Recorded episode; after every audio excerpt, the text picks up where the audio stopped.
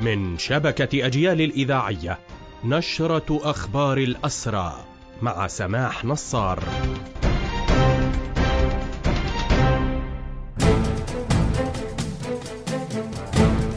أهلا ومرحبا بكم إلى هذا اللقاء. 22 معتقلا طالتهم حملة الاعتقالات اليومية التي شنها الاحتلال منذ مساء أمس وحتى صباح اليوم الأحد. مجمل الاعتقالات منذ السابع من أكتوبر بلغت 6330 معتقلا.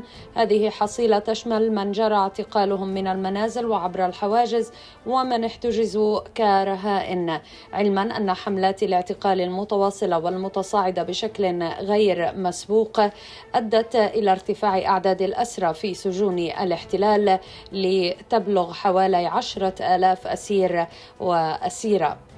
في أخبار هذه النشرة قالت هيئة شؤون الأسرى والمحررين إن طواقمها تمكنت من زيارة الأسرى إيهاب عصام عوضات ومحمد عبد الرازق عايش كذلك بلال عارف شلالده إلى جانب الأسير محمد رأفت عيسى أبو سرور وزيارة أخرى جرت للأسير جميل زياد عبد الرحمن الحو من رام الله.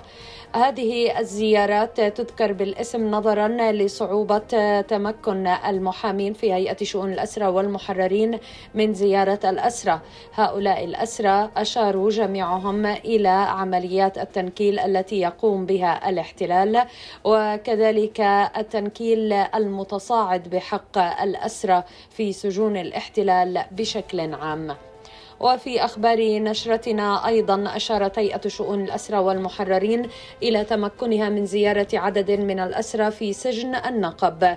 وهم عماد عبد الرحمن الجرف وأحمد عايد محمود أبو الرب إضافة إلى أحمد عبد الناصر دعيسات وإسماعيل موسى محمد الحديدي. جميعهم بصحة جيدة رغم ما يقوم به الاحتلال من أعمال تنكيل.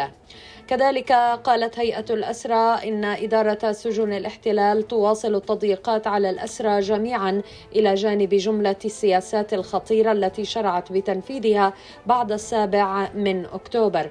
وتؤكد الهيئة أنه وفي ضوء عدة زيارات أجراها المحامون لمجدو والنقب وعوفر فإن إدارة سجون الاحتلال تواصل سياسات التجويع العزل المضاعف إلى جانب حرمان آلاف الأسرى من زيارة عائلاتهم وتجريدهم من أي وسيلة تمكنهم من معرفة ما يجري في الخارج كالتلفاز وكذلك أجهزة الراديو.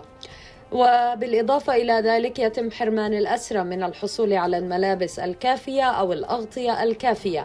أحدهم وصف الوضع قائلا. إن الأسرى يرتجفون من البرد تحديدا في سجن النقب الصحراوي.